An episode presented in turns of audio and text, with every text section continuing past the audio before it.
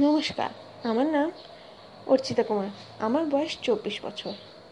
আমি একজন ছোট্ট কবি, কিন্তু আমি একজন বিখ্যাত কবির লেখা কবিতা আবৃত্তি করে শোনাতে চলেছি। সেই কবি হলেন কবি সুকুমার রায়। তার লেখা বিদ্যাবাজার বাবুমশাইয়ের জীবনের হিসাব আমি আজকে আবৃত্তি করে শোনাবো। তাহলে শুরু করি।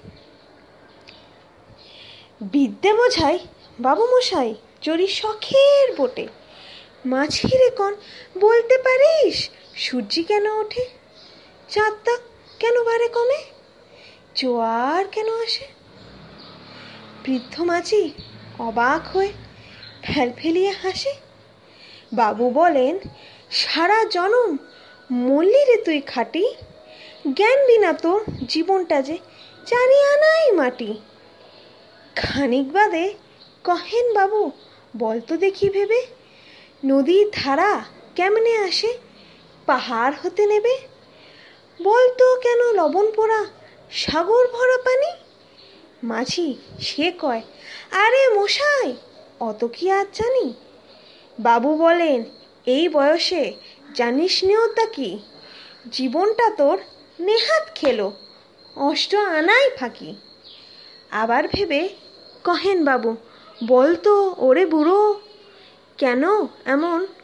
নীল দেখা যায় আকাশের ওই চূড়ো। বলতো দেখি সূর্য চাঁদে গ্রহণ লাগে কেন? বৃদ্ধ বলে, আমায় কেন লজ্জা দেছেন হেন? বাবু বলেন, বলব কি আর? বলব তোরে কি তা?